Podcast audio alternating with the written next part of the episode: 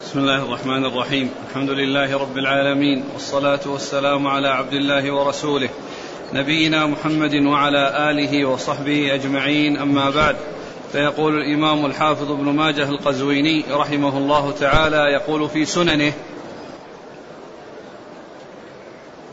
باب تخليل الأصابع.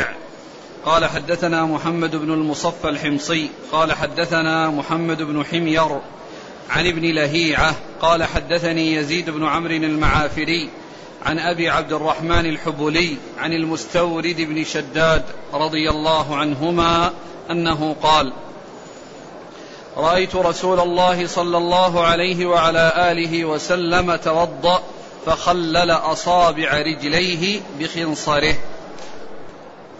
بعده بعده؟ قال أبو الحسن بن سلمة حدثنا خازم بن يحيى الحلواني قال حدثنا قتيبة قال حدثنا ابن لهيعة فذكر نحوه.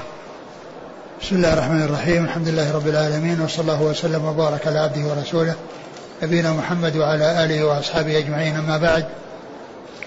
يقول الإمام ابن ماجه رحمه الله باب في تخليل الأصابع.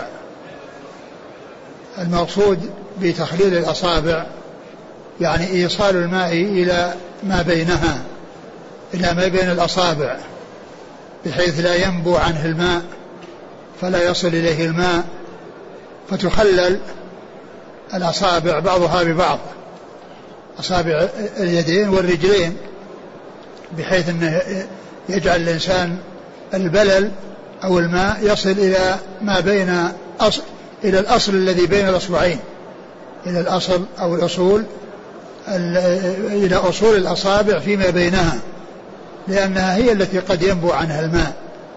ثم أورد حديث المستورد بن المستورد شداد. بن شداد.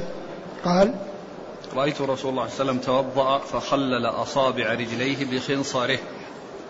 آه رأيت رسول الله صلى الله عليه وسلم توضأ فخلل أصابع رجليه بخنصره. فخلل يعني أدخل أو جعل الخنصر الذي هو الأصبع الصغير الذي هو أدق الأصابع آه، يعني يدخله بين الأصبعين من الرجلين يعني ليوصل الماء إلى ما بينهما. ولعل اختيار الخنصر لأنه هو الأدق يعني لأن ال ال ال ال الأصابع الأخرى قد تكون يعني غليظة فيكون إدخالها بين الأصابع يعني يصير فيه يعني شيء من المشقة لكن الخنصر هو أدقها فيعني ولهذا كان آه، يخلل أصابع رجليه به عليه الصلاة والسلام.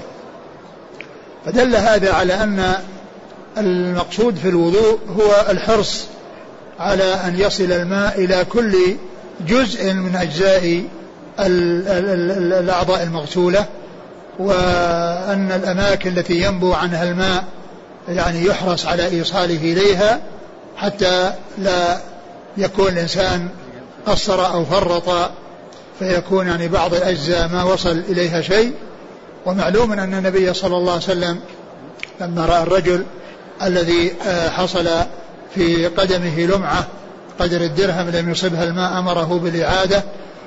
فإذا آه، تخليل الأصابع هو من آه، من باب التحقق من أن أعضاء الوضوء استوعبت غسلا حتى الأماكن التي قد ينبو عنها الماء كالذي يكون بين الأصابع. نعم. أي الخنصرين؟ ها؟ أي الخنصرين؟ الخنصر الخنصر اليمنى أو اليسار؟ الخنصر هذا اللي هو الصغير. لا معروف لكن أي من أي اليدين؟ اليمنى أو والله يعني الذي يبدو أن كلهن يعني الأمر ما ما نعرف في تحديد لكن كلها يمكن فعل ذلك. قال حدثنا محمد بن المصفى الحمصي. هو صدوق أخرج له. أبو داود والنسائي بن ماجه. عن محمد بن حمير. وهو الحمصي أيضا أخرج له. صدوق أخرج البخاري وأبو داود في المراسيل والنسائي بن ماجه. نعم. عن ابن لهيعة. وهو صدوق اختلط ورواية من روى عنه قبل الاختلاط معتبرة. وحديثه أخرجه مسلم وأبو داود والترمذي وابن ماجه. نعم. عن يزيد بن عمرو المعافري. هو؟ صدوق أبو داود والترمذي وابن ماجه. نعم. عن أبي عبد الرحمن الحبلي. وهو؟ ثقة أخرج البخاري في المفرد ومسلم وأصحاب السنن. نعم. عن المستورد بن شداد. أخرج له؟ البخاري تعليقا ومسلم وأصحاب السنن. نعم. قال أبو الحسن بن سلمة حدثنا خازم بن يحيى الحلواني. خازم بن يحيى الحلواني ليس من رجال ال- الكتب وله ترجمة في تاريخ بغداد ما ذكر فيه جرحا ولا تعديلا. نعم. عن قتيبة. قتيبة بن سعيد بن جميل الحلواني البغلاني وهو ثقة أخرج له أصحاب الكتب الستة. عن ابن لهيعة. نعم. ورواية قتيبة عن ابن لهيعة هي قبل الاختلاط. روايته عنه قبل الاختلاط. لكن ابن لهيعة لم ينفرد بهذا فقد تابعه الليث وكذلك أتبعه تابعه عمرو بن الحارث المصريان فانفراده هنا لا يؤثر لأنه قد توبع ولأن الذي روى عنه في في إسناد أبي الحسن القطان آه، هو قتيبة وهو ممن روى عنه قبل الاختلاط. قال حدثنا إبراهيم بن سعيد الجوهري قال حدثنا سعد بن عبد الحميد بن جعفر عن ابن أبي الزناد عن موسى بن عقبة عن صالح مولى التوأمة عن ابن عباس رضي الله عنهما أنه قال قال رسول الله صلى الله عليه وعلى آله وسلم إذا قمت إلى الصلاة فأسبغ الوضوء واجعل الماء بين أصابع يديك ورجليك.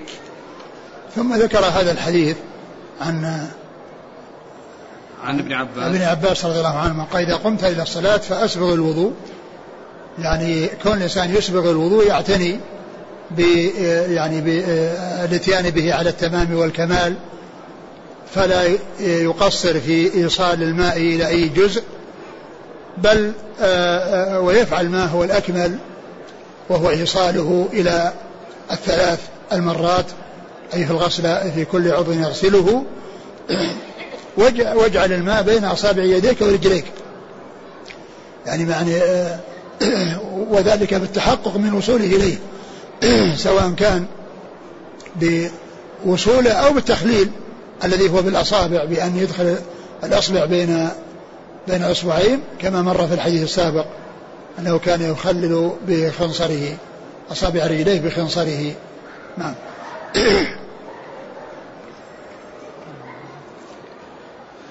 قال حدثنا إبراهيم بن سعيد الجوهري هو ثقة أخرج له مسلم وأصحاب السنن. نعم. عن سعد بن عبد الحميد بن جعفر. وهو صدوق له أغاليط أخرج له الترمذي والنسائي وابن ماجه. عن ابن أبي الزناد. وهو صدوق أخرجه البخاري تعليقا ومسلم في مقدمة وأصحاب السنة عن موسى بن عقبة. وهو ثقة أخرجه أصحاب الكتب. عن صالح مولى التوأمة. وهو صدوق اختلط وموسى بن عقبة روى ممن روى عنه قبل الاختلاط. أخرج حديثه. أبو داود والترمذي وابن ماجه. نعم. عن ابن عباس. نعم. قال حدثنا أبو بكر بن أبي شيبة قال حدثنا يحيى بن سليم الطائفي عن إسماعيل بن كثير عن عاص بن لقيط بن صبرة عن أبيه رضي الله عنه أنه قال قال رسول الله صلى الله عليه وعلى آله وسلم أسبغ الوضوء وخلل بين الأصابع. ثم ذكر حديث لقيط بن صبرة رضي الله عنه أن النبي صلى الله عليه وسلم قال أسبغ الوضوء وخلل بين الأصابع. أسبغ الوضوء يعني ائت به على التمام والكمال مع التحقق من وصول الماء إلى جميع الأعضاء المغسولة وخلل بين الأصابع. يعني كون الماء يصل إلى خلال إلى ما, ما بينها وذلك بالتحقق من وصوله أو بالتخليل بالإصبع. وجاء أيضا في في بقيته وبالغ في الاستنشاق إلا أن تكون صائمة. وبالغ في الاستنشاق إلا أن تكون صائمة. وهذا وهذا يعتبر من من من, من الإسباغ لأن المبالغة في الاستنشاق هي من الإسباغ نعم.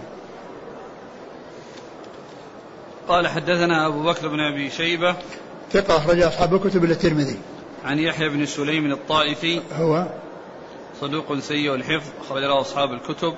نعم. عن إسماعيل بن, بن كثير هو ثقة أخرج البخاري في المفرد وأصحاب السنن. نعم. عن عاصم بن لقيط بن صبرة وهو ثقة أخرج البخاري في المفرد وأصحاب السنن. نعم. عن أبيه أخرج له البخاري في المفرد وأصحاب السنن. نعم. قال حدثنا عبد الملك بن محمد الرقاشي قال حدثنا معمر بن محمد بن عبيد الله بن أبي رافع قال حدثني أبي عن عبيد الله بن أبي رافع عن أبيه رضي الله عنه أن رسول الله صلى الله عليه وعلى آله وسلم كان إذا توضأ حرك خاتمه.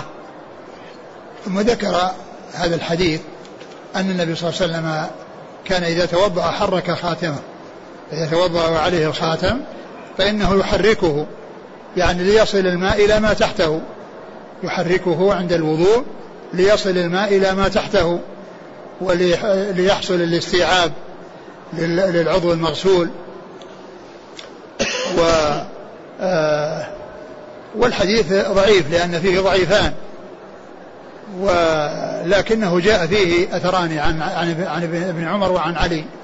رضي الله تعالى عنهما فتخليله التخليل مثل تخليل ما بين الأصابع لأن المقصود هو وصول الماء إلى كل أجزاء العضو المغسول وتحريك الخاتم بحيث يعني يصل الماء إلى ما تحته يعني هذا من التحقق والاطمئنان إلى أن الإنسان استوعب أعضاءه المغسولة فلم يترك شيئا منها لم يصل إليه الماء. نعم. قال حدثنا عبد الملك بن محمد الرقاشي. هو؟ صدوق يخطئ رجل ابن ماجه. نعم. عن عن معمر بن محمد بن عبيد الله. وهو ضعيف أخرج له. منكر الحديث. وهو منكر الحديث أخرج له. ابن ماجه. نعم. عن أبيه. وهو؟ ضعيف أخرج له ابن ماجه. نعم. عن عبيد الله بن أبي رافع. وهو ثقة. أخرج له أصحاب الكتب. عن أبيه أخرج له أصحاب الكتب. أصحاب الكتب نعم. أصحاب الكتب نعم.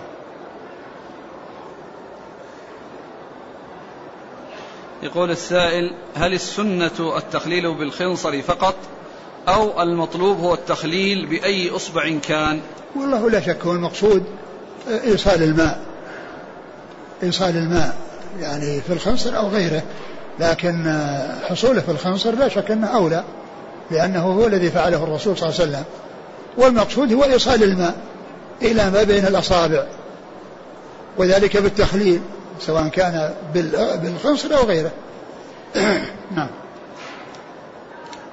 التخليل بالخنصر هل هو خاص بأصابع الرجلين أم كذلك اليدين؟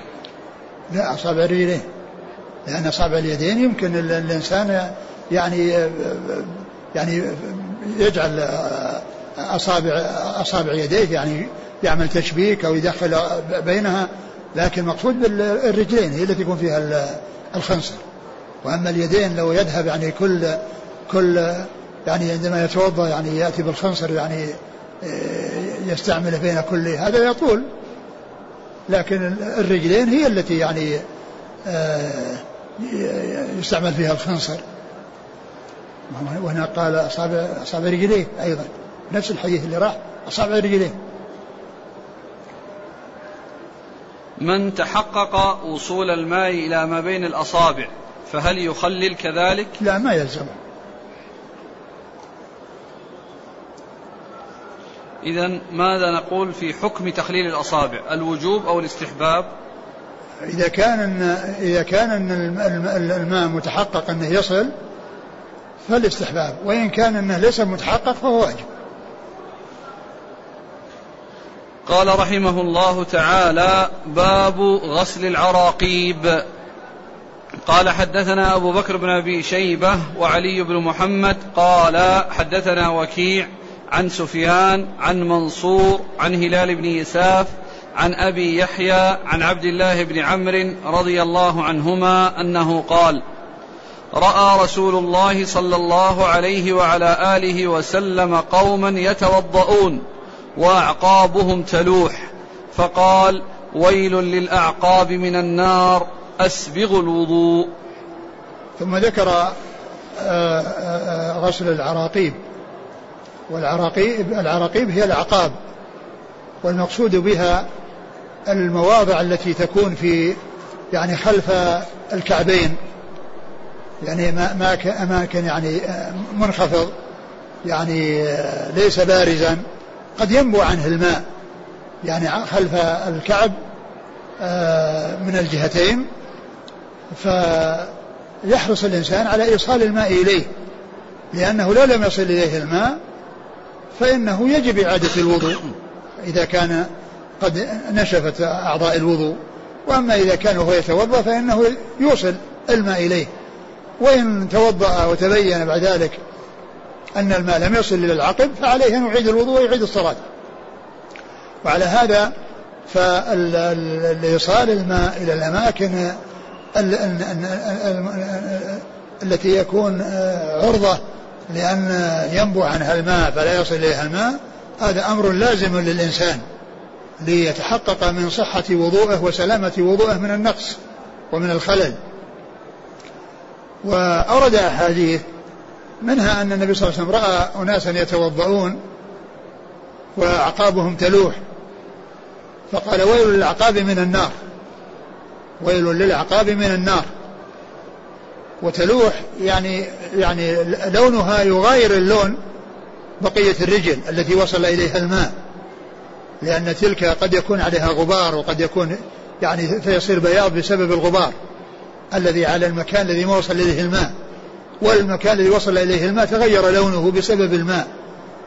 فتلوح يعني يعني تلوح يعني لعدم وصول الماء إليها إذ لونها يخالف لون بقية الرجل الذي وصل إليه الماء. فقال عليه الصلاة والسلام ويل للأعقاب من النار. وهذا وقال أسبغ الوضوء. وهذا يدل على أن الإسباغ مطلوب فيه الاستيعاب للشيء الواجب استيعابه وأيضا إيصاله إلى الأمر المستحب الذي هو إيصاله إلى ثلاث. لكن منه آه، التحقق أي من الإسباغ التحقق من وصول الماء إلى جميع أعضاء العضو الذي يغسله. ويل للأعقاب من النار. هذا بيان يعني آه، آه، يعني أنها كلمة وعيد أو قيل أنه واد في جهنم. والحاصل أن الأمر خطير لأن الشيء الذي يدعى عليه بالويل أو يقال فيه ويل لكذا يعني معنى ذلك أن أمره خطير. ولا شك أنه خطير لأنه لو لم هذا فإنه لا يصح وضوءه. إذا ترك هذا الجزء من الرجل لم يغسل لا يكون الوضوء صحيحا. فإذا لا, بد من استيعاب الأعضاء ومنها هذا الموضع. وقوله للأعقاب من النار قيل المقصود أصحاب الأعقاب لأنهم هم الذين يعذبون بسبب عدم قيامهم بالواجب. وقيل إنها هو نفس المكان نفس المكان الذي حصل منه فإنه يحصل له العذاب. فيعذب في نفس المكان الذي حصل منه التقصير وحصل منه الخلل. والحاصل أن هذا وعيد بالنار لمن يحصل منه ذلك وسواء كان له كله أي الجسد أو لذلك الموضع لأن كما هو معلوم الموضع إذا عذب ولو كان يعني شيئا يسيرا فإن العذاب يعني يصير لجميع الجسد. مثل ما جاء في الحديث إذا اشتكى منه عضو تداعى له سائر الجسد بالحمى والسهر يعني هذا في الدنيا. وأما في الآخرة فقد أخبر النبي عليه الصلاة والسلام عن أخف أهل النار من الكفار عذابا وهو أبو طالب أنه كان في ضحضاح من نار عليه عليه نعلان من نار يغلي منهما دماغه. يغلي منهما دماغه.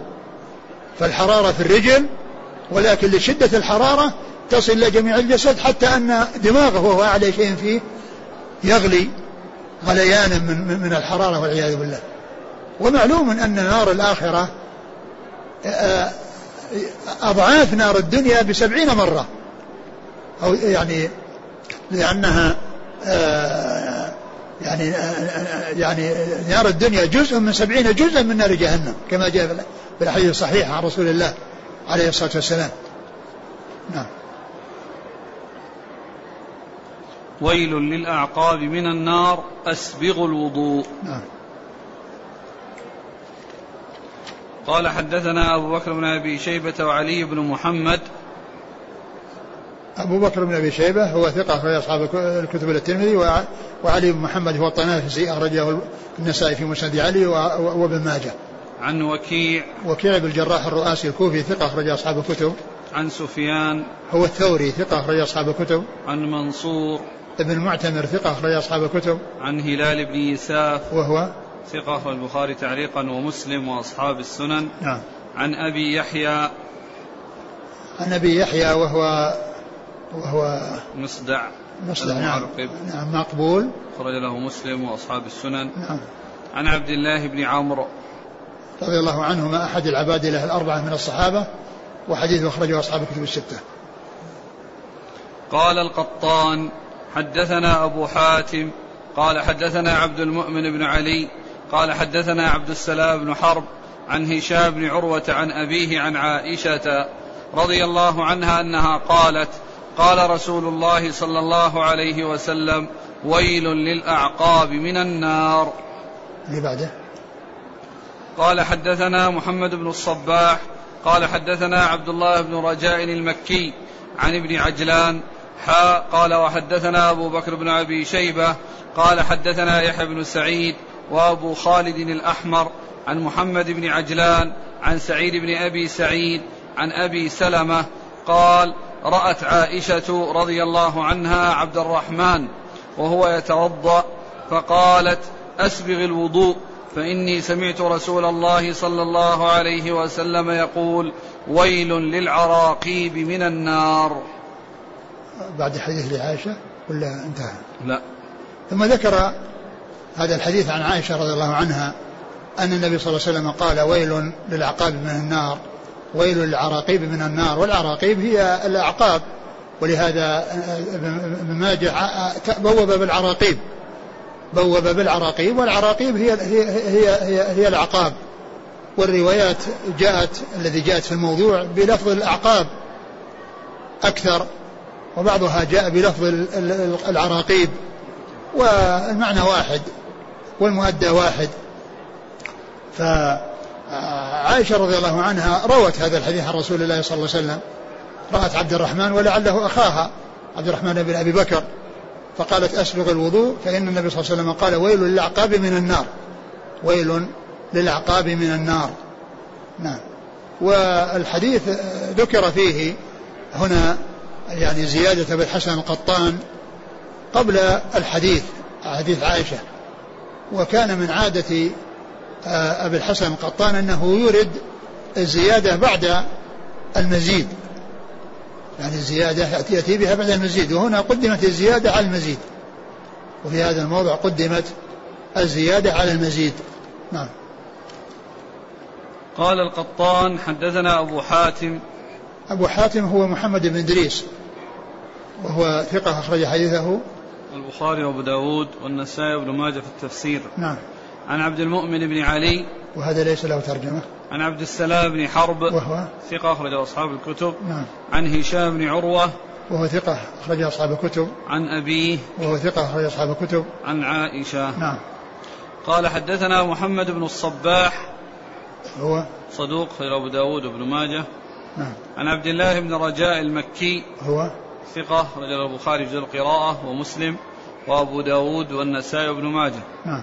عن ابن عجلان. محمد بن عجلان صدوق أخرجه البخاري تعليقا ومسلم وأصحاب السنة.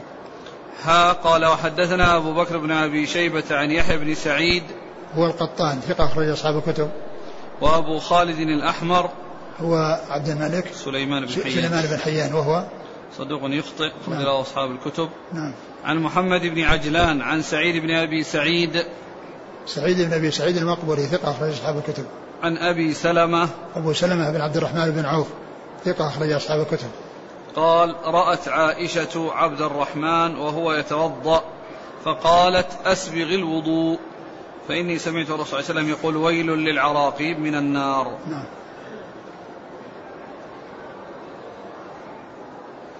قال حدثنا محمد بن عبد الملك بن أبي الشوارب.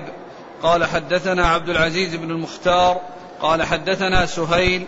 عن أبيه عن أبي هريرة رضي الله عنه عن النبي صلى الله عليه وعلى آله وسلم أنه قال ويل للأعقاب من النار. ثم ذكر حديث أبي هريرة ويل للأعقاب من النار وهو مثل ما تقدم. قال حدثنا محمد بن عبد الملك بن أبي الشوارب هو صدوق أخرج له مسلم والترمذي والنسائي وابن ماجه. نعم. عن عبد العزيز بن المختار وهو ثقة. أخرج أصحاب الكتب. عن سهيل. سهيل بن أبي صالح وهو صدوق أخرج حديثه أصحاب الكتب وروايته في البخاري آه تعليقا. البخاري مقرون. مقرون نعم. عن أبيه. عن أبيه وهو أبو صالح السمان ذكوان ثقة أخرج أصحاب الكتب. عن أبي هريرة. نعم.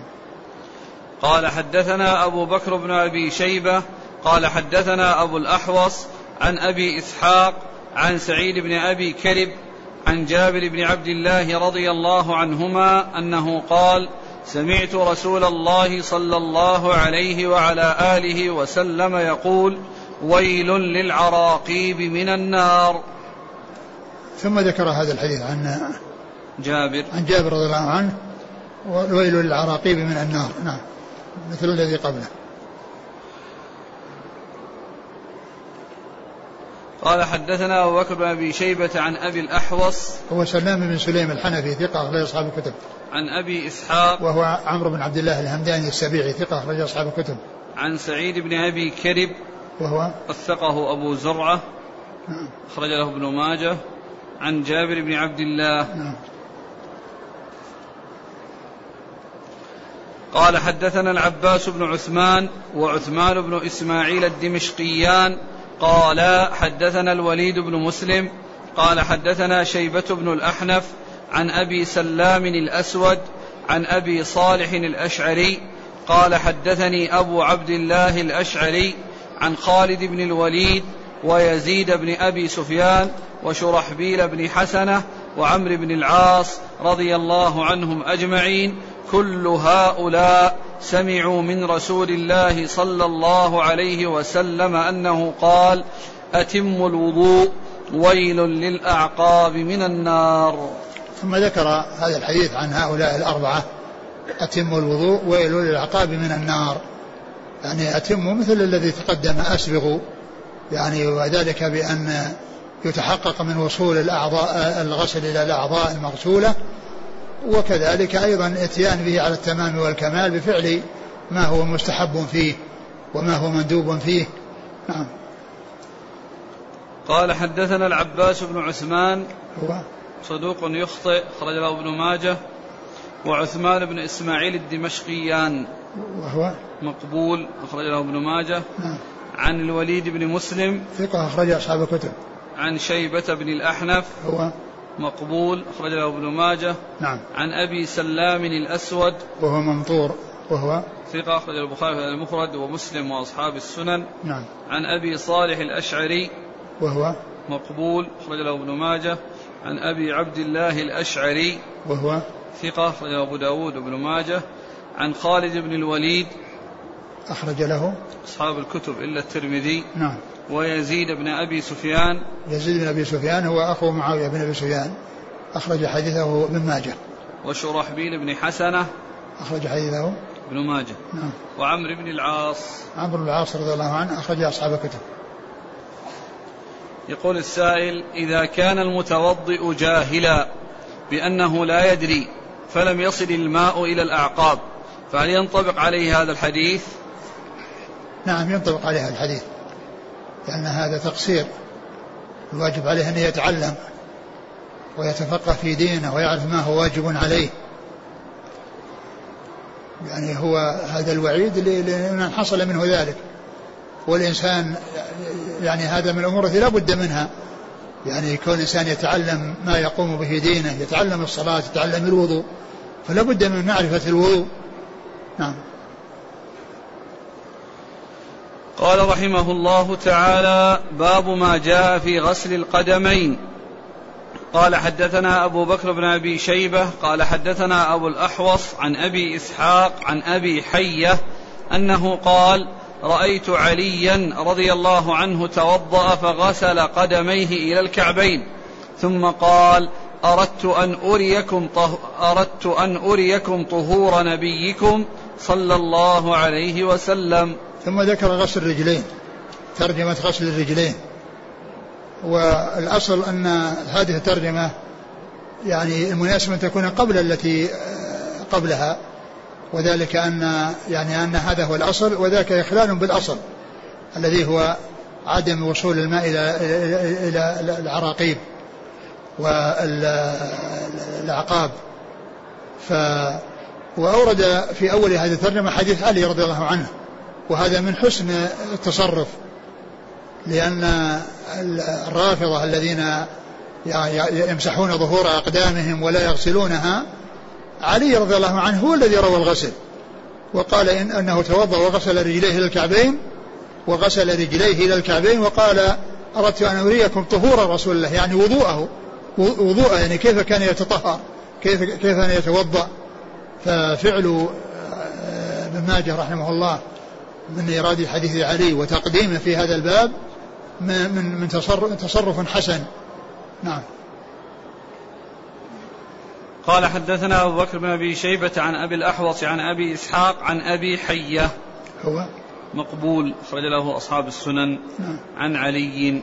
علي رضي الله عنه أمير المؤمنين ورابع الخلفاء الراشدين الهاديين المهديين صاحب المناقب الجمة والفضائل الكثيرة وحديثه عند أصحاب الكتب الستة.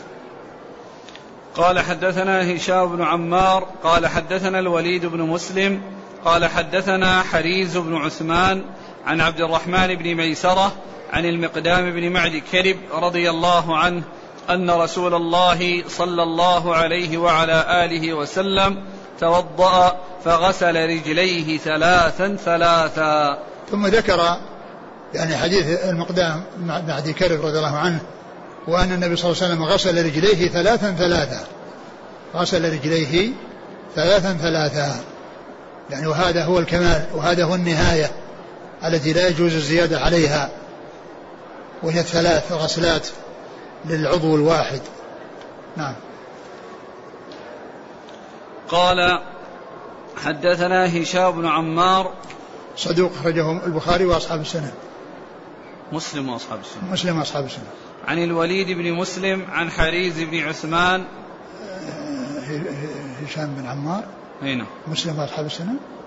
لا صحيح. لا البخاري. عن الوليد بن مسلم عن حريز بن عثمان. هو؟ ثقة أخرج البخاري وأصحاب السنن نعم. عن عبد الرحمن بن ميسرة. وهو؟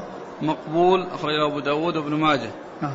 عن المقدام بن معد كرب أخرج له؟ البخاري وأصحاب السنن نعم. قال حدثنا أبو بكر بن أبي شيبة قال حدثنا ابن علية عن روح بن القاسم عن عبد الله بن محمد بن عقيل عن الربيع رضي الله عنها أنها قالت أتاني ابن عباس رضي الله عنهما فسألني عن هذا الحديث. تعني حديثها الذي ذكرت أن رسول الله صلى الله عليه وسلم توضأ وغسل رجليه. فقال ابن عباس إن الناس أبوا إلا الغسل. ولا أجد في كتاب الله إلا المسح.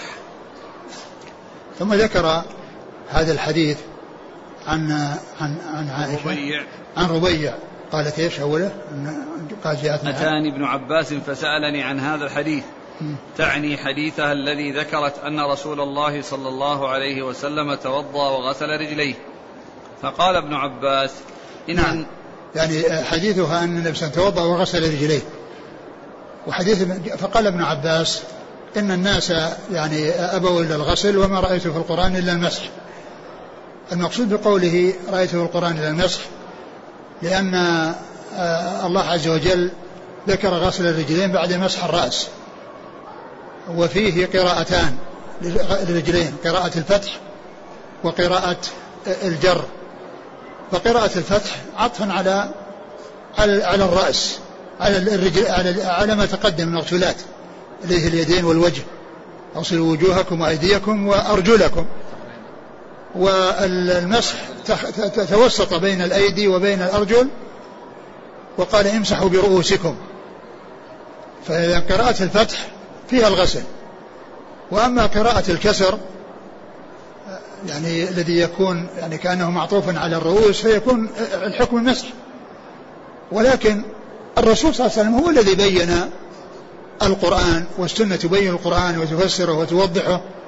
وكل الذين رووا عن النبي صلى الله عليه وسلم آه، آه، آه، الوضوء ذكروا أنه يغسل رجليه وأنه ما كان يمسح عليهما وإنما كان يغسلهما عليه الصلاة والسلام وإنما المسح على الرجلين إذا كان إذا كانت في الخفين.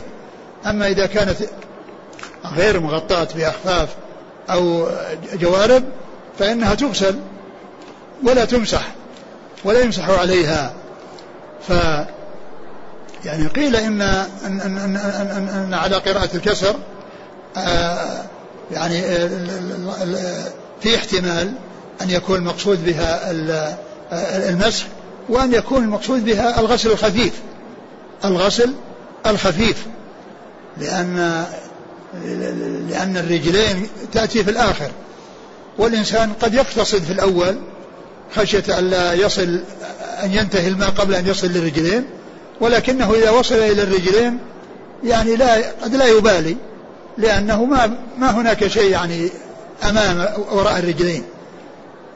ف فإذا السنة بينت أن الحكم الغسل وعلى قراءة الجر يمكن أن يفسر بأن المقصود هو الاقتصاد.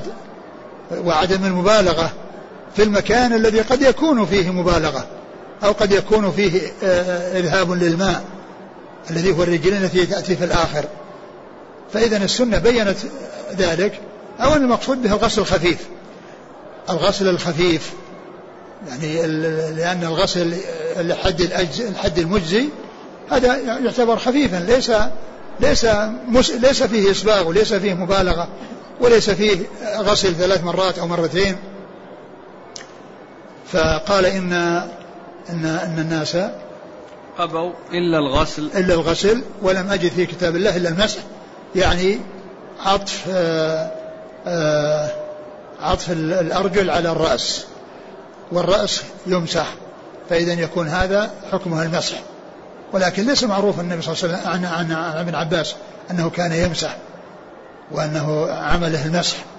وإنما المقصود من ذلك آه، آه، ما رآه في القرآن من من عطف الرجلين على الرأس. و ولعله لم يطلع على القراءة الثانية التي فيها. قيل لعله لم يطلع على قراءة الفتح.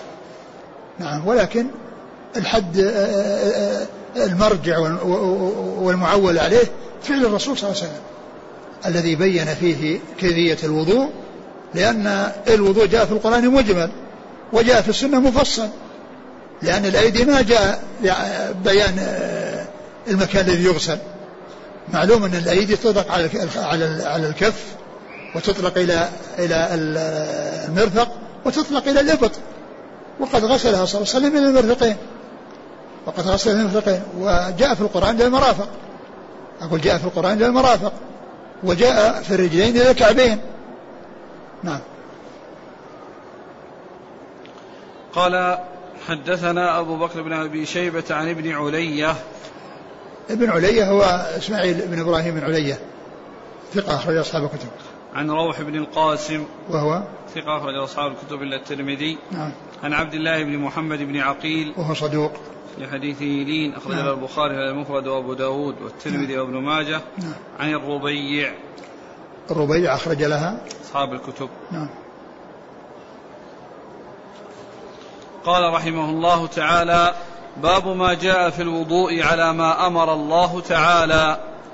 قال حدثنا محمد بن بشار قال حدثنا محمد بن جعفر قال حدثنا شعبة عن جامع بن شداد أبي صخرة قال سمعت حمران يحدث أبا بردة في المسجد أنه سمع عثمان بن عفان رضي الله عنه يحدث عن النبي صلى الله عليه وسلم أنه قال من أتم الوضوء كما أمره الله فالصلوات المكتوبات كفارات لما بينهن. ثم ذكر باب الوضوء كما أمر الله. يعني الله عز وجل أمر بغسل الوجوه ثم غسل اليدين المرفقين ثم مسح الرأس ثم غسل الرجلين إلى الكعبين ثم غسل الرجلين إلى الكعبين. هذا هو الذي أمر الله يا أيها الذين آمنوا إذا قمتم إلى الصلاة فاغسلوا. يعني من أتى بالوضوء كما أمر الله بما جاء في القرآن وما جاء في بيان السنة عن رسول الله صلى الله عليه وسلم فإن الصلوات الخمس كفار كفارات لما بينهن.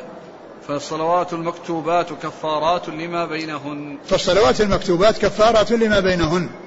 فالصلوات المكتوبات كفارة لما بينهن لأن الصلوات يعني كما هو معلوم آه، صحتها تتوقف على الوضوء وعلى صحة الوضوء لأن لأنه لا صلاة إلا بوضوء. لا يقبل الله صلاة أحدكم إذا أحدث حتى يتوضأ. فإذا أتم الإنسان الوضوء كما أمر الله وصلى الصلوات الخمس المكتوبة فإنها مكفرات لما بينهما. يعني من الذنوب والمقصود من ذلك الصغائر. المقصود من ذلك الصغائر. فإنها هي التي تكفر باجتناب الكبائر. وقد جاء ذلك مبينا في الحديث الآخر الجمعة الجمعة إلى الجمعة والصلوات الخمس والجمعة إلى الجمعة ورمضان إلى رمضان مكفرات لما بينهن ما اجتنبت الكبائر. مكفرات ما اجتنبت الكبائر. جاء التقييد باجتناب الكبائر. وأما الكبائر فإنه يكفرها التوبة. يكفرها التوبة. فالإنسان إذا كان مرتكب كبيرة وما تاب منها لا يقال إن العمل الصالح يكفر. نعم.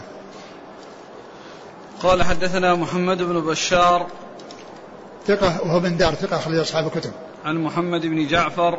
هو غندر ثقة أخرج أصحاب الكتب. عن شعبة. ثقة أخرج أصحاب الكتب. عن جامع بن شداد أبي صخرة وهو؟ ثقة أخرج أصحاب الكتب. نعم. عن حمران وهو ثقة أخرج أصحاب الكتب. عن عثمان. رضي الله عنه أمير المؤمنين وثالث الخلفاء الراشدين الهادي المهديين صاحب المناقب الجمة والفضاء الكثيرة وحديثه عند أصحاب الكتب الستة. في كلام للشارع حول حول هذا الحديث حول تكفير الذنوب. شوف كلامه. هذا الحديث ما في شيء. في حديث بعده؟ في حديث بعده بمعناه مش كذلك ما في شيء. ها؟ ما في شيء. أجل لعله عند غيره. وهنا في نسخة علي حسن قال عن جامع بن شداد عن أبي صخرة. وهو أبو صخرة ما هو جامع شداد؟ بلى. ها؟ تكون عن هذه زائدة. نعم. قال عن زائدة نعم. نعم. قال حدثنا محمد بن يحيى قال حدثنا حجاج قال حدثنا همام قال أخبرنا إسحاق بن عبد الله بن أبي طلحة قال حدثني علي بن يحيى بن خلاد عن أبيه رضي الله عنه عن عمه رفاعة بن رافع رضي الله عنه أنه كان جالسا عند النبي صلى الله عليه وعلى آله وسلم فقال إنها لا تتم صلاة لأحد حتى يسبغ الوضوء كما أمره الله تعالى. يغسل وجهه ويديه إلى المرفقين ويمسح برأسه ورجليه إلى الكعبين. آه، ثم ذكر حديث آه، رافع رافع بن خليل. رفاعة بن رافع. رفاعة. آه، أن أن أنه أن النبي صلى الله عليه وسلم قال لا لا لا تتموا صلاة أحدكم؟ صلاة لأحد نعم. حتى يسبغ الوضوء كما أمره الله. ثم ذكر أمر الأمر الله عز وجل بأنه يغسل الوجه ويغسل اليدين المرافق ويمسح الرأس ويغسل الرجلين إلى الكعبين. ويغسل الرجلين إلى الكعبين. وينبغي أن يعلم أن الكعبان هما لكل رجل كعبان. يعني وليس لها وليس كعب واحد. كعب من جهة اليمين وكعب من جهة اليسار. فقوله إلى الكعبين يعني بالنسبة لكل رجل وكل رجل لها كعبان. وليس كما تقولها الرافضة أن الرجل الواحدة فيها كعب واحد وأن المسح يكون إلى الكعبين إنها يعني إلى الكعبين اللي هي العظم الناتئ في ظهر القدم. العظم الناتئ في ظهر القدم هذا هو الكعب عندهم. والكعب هو وكل رجل لها كعبان وهو الحد الذي يفصل بين القدم وبين الساق. العظمان الناتئان في كل رجل من جهة اليمين والشمال في المفصل بين الساق والقدم هذا هم هذان هما الكعبان. نعم. قال حدثنا محمد بن يحيى هو الذهلي ثقة أخرجه البخاري وأصحاب السنة. عن حجاج هو محمد المصيصي ثقة أخرج أصحاب حجاج بن المنهال حجاج بن المنهال هكذا في نعم. تحفة أخرج ثقة أخرج له. أصحاب الكتب. نعم. عن همام. هو في طبقة حجاج محمد المصيصي. نعم. نعم. عن همام. همام بن يحيى العوذي ثقة أخرج أصحاب الكتب. عن إسحاق بن عبد الله بن أبي طلحة. وهو ثقة. أخرج أصحاب الكتب. عن علي بن يحيى بن خلاد. وهو ثقة أخرج البخاري وأصحاب السنن. نعم. عن أبيه. له رؤية أخرج البخاري وأصحاب السنن. نعم. عن عمه رفاعة بن رافع. أخرج له؟ البخاري وأصحاب السنن. نعم. يقول السائل فضيلة الشيخ أحسن الله إليكم. هل تبويب ابن ماجه في تأخير هذا الحديث على أنه ليس بواجب في الوضوء؟ إلا ما جاءت به الآيات كما ذهب إليه بعض أهل العلم. وهذا يقول وش يست... ها؟ وش ال- السؤال؟ تبويب ابن ماجه أخر هذا الباب باب ما جاء في الوضوء على ما أمر الله تعالى. نعم. آه كذلك السؤال الآخر يقول يستدل بحديث رفاعة. من أو يستدل بحديث رفاعة من لا يرى وجوب المضمضة والاستنشاق. معلوم أن السنة هي اللي بينت. السنة هي التي بينت بفعله صلى الله عليه وسلم وأنه كان يتمضمض ويستنشق وهما داخلان في الوجه وغسلهما من الوجه كما أن مسح الأذنين من الرأس فالمضمضة والاستنشاق من الوجه والنبي صلى الله عليه وسلم هو الذي بين ذلك. النبي صلى الله عليه وسلم هو الذي بين ذلك. لكن ظاهر المقصود من. ابن ماجه من الترجمة هو ذكر الأحاديث التي فيها ما يطابق الترجمة يعني ذكر أمر الله و يعني هذا هو المقصود قال رحمه الله تعالى باب ما جاء في النضح بعد بعد الوضوء قال حدثنا أبو بكر بن أبي شيبة قال حدثنا محمد بن بشر قال حدثنا زكريا بن أبي زائدة قال قال منصور حدثنا مجاهد عن الحكم بن سفيان الثقفي رضي الله عنه أنه رأى رسول الله صلى الله عليه وسلم توضأ ثم أخذ كفا من ماء فنضح به فرجه. نعم بعده. قال حدثنا إبراهيم بن محمد الفريابي قال حدثنا حسان بن عبد الله قال حدثنا ابن لهيعة عن عقيل عن الزهري عن عروة قال حدثنا أسامة بن زيد رضي الله عنهما عن أبيه زيد بن حارثة رضي الله عنه أنه قال قال رسول الله صلى الله عليه وسلم علمني جبريل الوضوء وأمرني أن أنضح تحت ثوبي لما يخرج من البول بعد الوضوء.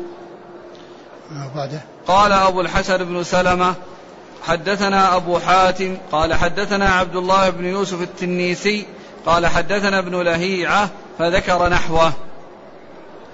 قال حدثنا الحسين بن سلمة اليحمدي قال حدثنا سلم بن قتيبة قال حدثنا الحسن بن علي الهاشمي عن عبد الرحمن الأعرج عن أبي هريرة رضي الله عنه أنه قال قال رسول الله صلى الله عليه وعلى آله وسلم إذا توضأت فانتضح.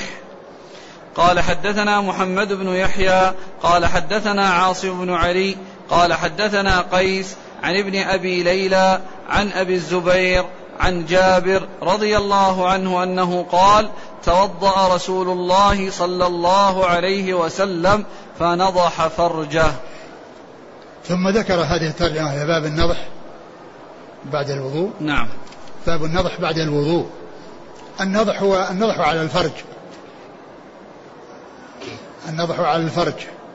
وقد أورد ابن ماجه رحمه الله عدة أحاديث في في النضح. منها ما هو من فعله ومنها ما هو من قوله عليه الصلاة والسلام. وكلها لا تسلم من مقال. ولكنها إذا صحت فإنها تحمل على الاستنجاء أو يعني شيء يكون مع الاستنجاء بعد الاستنجاء. و وليس المقصود منها أن الإنسان إذا كان جاء يتوضأ وهو لم آه، يقضي حاجته فإنه يذهب وينضح على فرجه. وينضح على فرجه لأن الإنسان قد يكون قضى حاجته من زمن من مدة طويلة ثم جاء يتوضأ. إذا توضأ يغسل أعضاء الوضوء ولا يذهب إلى فرجه ينضحه ويغسله أو يعني يستنجي. وإنما الاستنجاء هو عند قضاء الحاجة. وقد يخرج الريح من الإنسان فيتوضأ ولا يحتاج إلى إلى إلى الاستنجاء.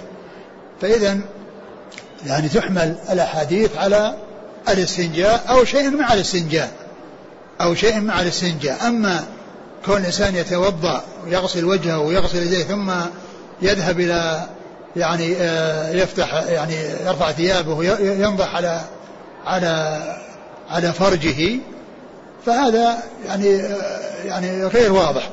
والأحاديث كلها التي وردت في هذا فيها مقال ولكن إن صحت فإنها تحمل على الاستنجاء. وعلى النضح بعد الاستنجاء في في نفس المكان وفي نفس الوقت. أقرأ من أولها. قال عن حكم بن سفيان الثقفي أنه رأى رسول الله صلى الله عليه وسلم توضأ ثم أخذ كفا من ماء فنضح به فرجه. نعم يعني توضأ يعني معناها أنها في حال استنجاء أو في حال آه، قضاء حاجة. وليس المقصود من ذلك أن الإنسان يأتي وقد آه، قضى حاجته من قبل أو خرج منه ريح ثم جاء يتوضأ فإنه لا يذهب إلى فرجه وينضح عليه شيئا. لا يذهب إلى فرجه وينضح عليه شيئا. وإنما المقصود من ذلك عند الاستنجاء. نعم. إما الاستنجاء أو مع الاستنجاء. نعم. والحديث آه الشيخ الألباني ضعفه قال لاضطرابه الشديد ولكن له شواهد ولكن له شواهد. يعني فهذه الشواهد معناه يقوي بعضها بعضا أو هذه الأحاديث يقوي بعضها بعضا لكنها إن صحت يعني فينبغي أن تحمل على الاستنجاء أو على شيء يكون مع الاستنجاء. نعم. الحكم المنقول هنا غير إذن؟ الحكم المنقول. وش الحكم؟ الاضطراب. هو صححه هنا ولكنه بالشواهد لأنه ذكر في الاضطراب الحكم عليه بالاضطراب كان في أي موضع؟ ذكره أظن في المشكاة أو في كذا. قال ضعيف لاضطرابه الشديد ولكن له شواهد. الحافظ كأنه يعني لما ترجم للحكم كأنه ما له إلا هذا الحديث. الحكم سفيان قيل فيه سفيان الحكم مقلوب. ها؟ قيل؟ مقلوب. نعم قيل الحكم بن سفيان. إيه. نعم. ثم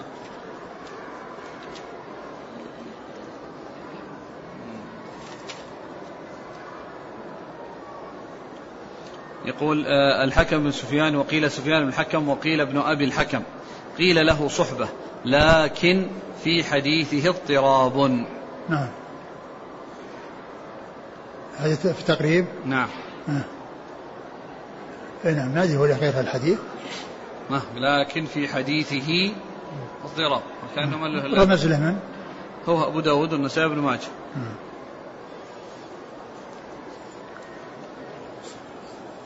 ما أدري لكن هو الحديث هذا نفسه يعني آه، مضطرب فيه اضطراب نفس الحديث الحديث اللي بعده علمني جبريل الوضوء وأمرني أن أنضح تحت ثوبي لما يخرج من البول بعد الوضوء. يعني هذا في إسناده ضعف. يعني هذا الذي فيه أنه علمه. يعني وعلمه الوضوء نعم الوضوء علمه الوضوء علمه الصلاة. نعم. قال إيش؟ وعلمني. علمني جبريل الوضوء نعم. وأمرني أن أنضح تحت ثوبي. نعم. لما يخرج من البول بعد الوضوء. يعني هذا هذا ما يكون إلا عند عند عند الاستنجاء. نعم. يعني لما يخرج بعد الوضوء يعني ولكن الحديث هذا الزيادة فيها ضعف. وأما كون علمه الوضوء علمه الوضوء والصلاة. نعم. لذلك الشيخ هنا يقول حسن دون الأمر. نعم. دون الأمر يعني حسن ب يعني هو في إسناده شو؟ من فيه؟ إسناده؟ ثقات كلهم ما في من الإسناد؟ لا إبراهيم بن محمد الفريابي عن حسان بن عبد الله هذا صدوق يخطئ نعم. عن ابن لهيعة. هذا هو ابن لهيعة. ابن لهيعة هذا مما روى عنه قبل ليس مما روى عنه قبل الاختلاط. نعم. ثم قال في حديث أبي هريرة إذا توضأت فانتضح نعم. فانتضح هذا يعني آه يعني مطلق. يعني يعني معنى ذلك انه إذا توضأ عند عند الاستنجاء أقول عندما عندما يقضي حاجته وأما إذا كان خرج منه ريح وجاء يتوضأ ما يحتاج إلى انتظار. وفي حديث جابر توضأ الرسول صلى الله عليه وسلم فنضح فرجه. وهذا مثل الذي قبله. الأول ذاك الأول الذي قال إيش؟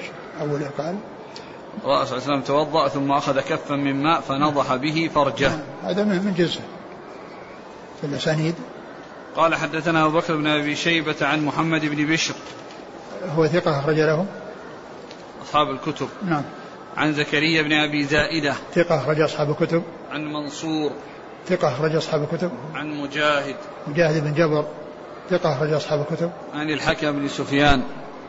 الحكم بن سفيان أخرج له أبو داود والنسائي بن ماجه. نعم. قال حدثنا إبراهيم بن محمد الفريابي. وهو؟ صدوق رجل ابن ماجه. نعم. عن حسان بن عبد الله. نعم وهو؟ صدوق يخطئ رجل البخاري والنسائي وابن ماجه. نعم. عن ابن لهيعة. نعم. عن عقيل. عقيل بن خالد بن عقيل المصري ثقة أخرج أصحاب الكتب. عن الزهري. محمد بن مسلم بن عبد الله بن شهاب الزهري ثقة أخرج أصحاب الكتب. عن عروة. نعم. عن أسامة بن زيد. أسامة بن زيد رضي الله عنه أخرج له؟ أصحاب الكتب. وأبوه؟ زيد بن حارثة أخرج له النسائي وابن ماجه. نعم. قال أبو الحسن بن سلمة حدثنا أبو حاتم عن عبد الله بن يوسف التنيسي. عبد الله بن يوسف التنيسي ثقة أخرج له؟ البخاري وأبو داود والترمذي والنسائي. نعم. عن ابن لهيعة. نعم. قال حدثنا الحسين بن سلمة اليحمدي. هذا اللي بعده؟ ها؟ هذا الحديث اللي بعده؟ الإسناد اللي بعده؟ إيه؟ آه هذا في بعض النسخ يعني آه حاء وحدثنا عبد الله التنيسي. حاء وحدثنا. الحاء مع الواو زائدتان. الحاء مع الواو زائدتان. لأن في بعض النسخ نسخة الشيخ ناصر ونسخة ونسخة نسخة بشار وبعض النسخ فيها حاء وحدثنا. ما في تحويل. ليس في تحويل وإنما أبو حاتم يروي عن عبد الله محمد التنيسي. و, و... و... وكلمة وحدثنا يعني يفيد بأن شيخ له مع أن محمد التنيسي هذا توفي سنة 218 و وذاك الذي هو أبو الحسن القطان يعني فوق 300 300 أظن 35 فهذا التحويل يعني هو خطأ في الحقيقة يعني الحاء مع الواو. وإنما حدثنا أبو حاتم حدثنا عبد الله بن محمد يوسف. عبد الله بن يوسف التنيسي. فإذا الحاء والواو يعني يقوس عليهما أو ويوجد أنهما زائدتان. قال حدثنا الحسين بن سلمة اليحمدي هو صدوق الترمذي وابن ماجه. نعم. عن سلم بن قتيبة. سلم بن قتيبة أبو قتيبة وهو صدوق أخرجه البخاري وأصحاب السنن. نعم. نعم. عن الحسن بن علي الهاشمي. الحسن بن علي الهاشمي ضعيف. أخرجه الترمذي وابن ماجه. نعم. عن عبد الرحمن الأعرج. وهو ثقة أخرج أصحاب الكتب. عن أبي هريرة. نعم. هذا آخر حديث. اللي بعده. نعم. قال حدثنا محمد بن يحيى عن عاصم بن علي. هو صدوق ربما وهم أخرج البخاري والترمذي وابن ماجه. نعم. عن قيس. قيس بن ربيع وهو صدوق تغير لما كبر فأدخل عليه ابنه ما ليس من حديثه فحدث به. نعم. أخرجه أبو داود والترمذي وابن ماجه. نعم.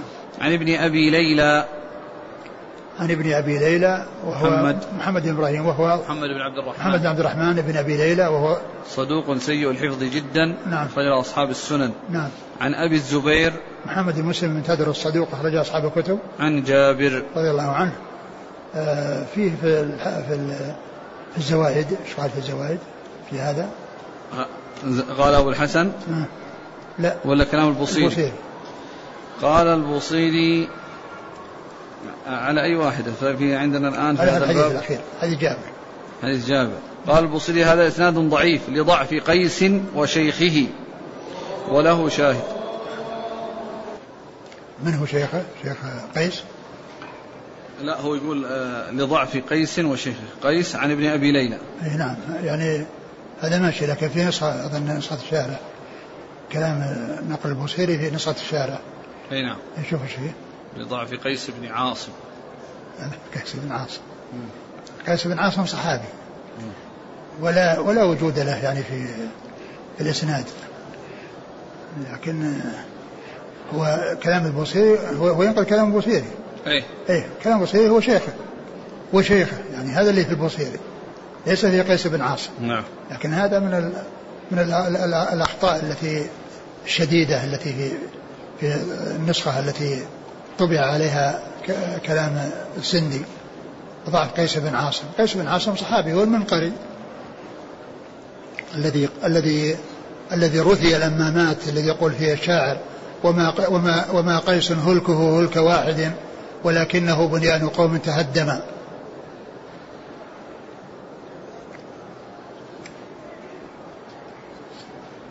هو عليك في الع... هذه الطبعة نعم. ال- السندي يذكر في الكلام من عنده. قال في الزوائد في إسناده قيس بن عاصم وهو ضعيف. ثم دار المعرفة طبعت هي اجتهادا من عندها في حاشية الحاشية. نقل مختصر لكلام الزوائد البصري فقالوا في حاشية الحاشية. هذا إسناد ضعيف لضعف قيس وشيخه. إيه. قي- قيس وشيخ ماشي. آه ماشي. هذا كلام بصير فأقول يعني نفس الموضع إيه. نفس الصفحة. اي نعم. بل آه، أحيانا تجد المتن نفسه يجيب المتن فوق وال وال قوله كذا ثم كلمة قوله تخالف آه، المتن اللي فوق. يعني الشرح على غير ال... إيه إيه نفس الكلام اللي يقول قوله في ما في حديث في هذا ما أدري إيش يقول آه، ما أدري وين في نفس في حديث اليوم يعني جاب هو هو هو ضمير غيبة وجاب ضمير خطاب. جاب بدل ضمير الغيبة ضمير خطاب في قوله. والله تعالى أعلم وصلى الله وسلم وبارك على عبده ورسوله نبينا محمد وعلى آله وأصحابه أجمعين. جزاكم الله خيرا وبارك الله فيكم ألهمكم الله الصواب ووفقكم للحق ونفعنا الله بما سمعنا وغفر الله لنا ولكم وللمسلمين أجمعين آمين آمين. لما شرح حديث أبي رافع النبي صلى الله عليه وسلم كان إذا توضأ حرك خاتمه أي نعم. قوله حرك خاتمك أو حرك أي نعم. عشان تمشي حرك خاتم خاتمك نعم. يعني, خاتمك أي لإيصال الماء إلى ما تحته. يعني اغلاط اغلاط شديدة وفيه وفيه يعني فيه أيضا غلط آخر يقول آه، بدل والذي قال إذا أوردته في الزوائد قال أبو بردة بدل أوردته. يعني اللي قال إذا أوردته في الزوائد في نفس في نفس الأحاديث اليوم. لذا أوردته في الزوائد يعني جاب له جملة كذا وتكلم قال لذا أوردته. بدل أوردته قال أبو بردة. مثل ذاك نعم. اللي مثل ذاك اللي- قوله إذا قمت إلى الصلاة فأسبغ الوضوء فذلك أبو بردة. فذلك أمر يعني فلذلك أوردته. بدل ومثل ذاك الذي قبله يعني يقول اللي يقول الإمام أحمد سأل ابن تيمية. يعني سأل يعني عن التسمية بدل عن التسمية جاء ابن تيمية. ما أدري هل طبعت يعني طبعة غير هذه الطبعة المحرفة أنا ما ما أدري. هذه الحقيقة يقال لها وجودها مثل عدمها يقول السائل فضيلة الشيخ هل يحمل النضح على دفع الوسواس؟ الرسول صلى الله عليه وسلم ما عنده وسواس. ما يقال إنه عنده وسواس عليه الصلاة والسلام. ولكن يعني كونه يتوضأ يعني يستنجي وكذلك أيضا يضيف يعني آه، هذا هو المحل الذي يكون آه، يعني له وجه. وأما قضية وضوء الذي هو غسل الأعضاء وليس فيه استنجاء فهذا ما ما ما, ما لن نضع فيه محل أبدا.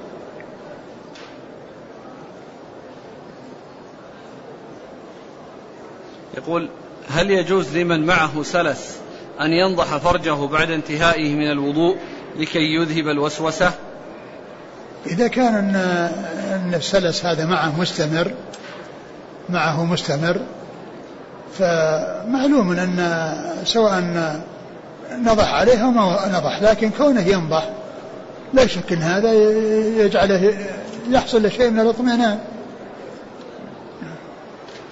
إذا خرج شيء من البول بعد الوضوء فهل ينقض الوضوء أم يكفيه النضح؟ لا.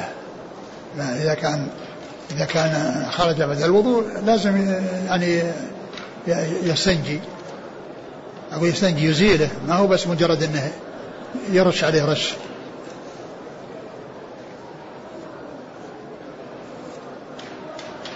يقول ما هي كيفية النضح؟ يعني يأخذ ماء ويرش على على فرجه. يأخذ ماء بكفه ويرشه على فرجه. هذا مثل الرش على بول الغلام إذا كان في الثوب. ينضح من بول الغلام. يعني يؤخذ ماء ويرش في رش. نعم.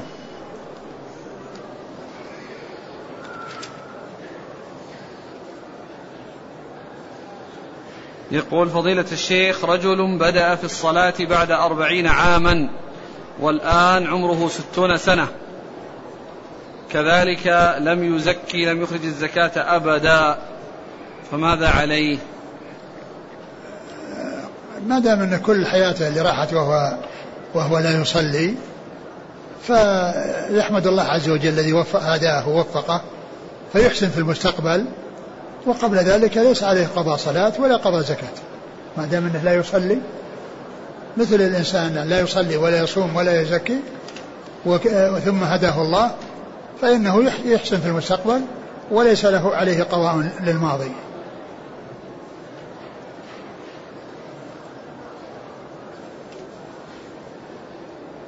إذا توضأ الشخص في إناء وفضل عليه شيء من الماء فهل له أن يعيد هذا الماء على أعضائه بدل أن يرميه؟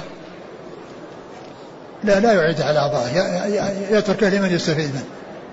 يتركه ليستفاد منه.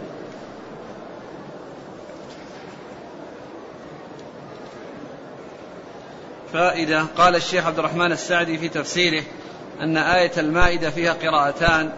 قراءة الفتح فيها رد على الذين أنكروا الغسل مثل الرافضة. وقراءة الكسر فيها رد على الذين أنكروا المسح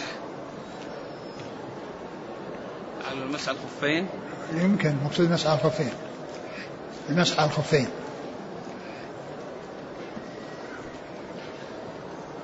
يقول فائدة ذكرتم ذكرتموها في شرح الجامع الترمذي في أبواب الطهارة قلتم أركان الوضوء لعلها فروض الوضوء أربعة.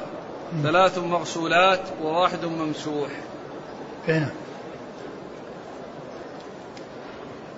يقول هذا سؤال من أمريكا وهو هل يجوز للمسلم أن يقبل وظيفة أو يعمل في مكان لا يسمح له بالانصراف للصلاة يوم الجمعة؟ لا لا يعمل. لا يعمل في عمل يمنعه من الاتيان بالصلاة التي فرضها الله عز وجل. يقول إذا ظلم الإنسان من شخص فهل يجوز له أن يسب أمه وأخته ومحارمه على الهاتف؟ أقول لا تزر وازرة وزر أخرى. يعني ليس له أن يسب من لم يؤذه ولا يتكلم في من لم يؤذه. ولهذا الرسول صلى الله عليه وسلم قال إن يعني آه، من إيش؟ أن يسب الرجل والديه. إيش الحديث؟ قال أن يلعن والديه قال وكيف قال يسب أبا الرجل فيسب أباه ويسب أمه فيسب أمه. يعني لا يتسبب يعني في آه، إيذاء والديه بأن يسب أبا إنسان آه، والسب السب لغير المسيء ظلم. لأنه لأن الذي أساء إليه ظلمه وهو أساء وظلم من لم يسئ إليه ولم يحصل منه ظلم. ولكنه إذا إذا اقتص فليكن بالعدل لا يزيد. وإن عاقبتم فعاقبوا مثل ما عاقبتم وإن صبرتم لخير الصابرين جزاكم الله خيرا. سبحانك اللهم وبحمدك أشهد أن لا إله إلا أنت أستغفرك وأتوب إليك.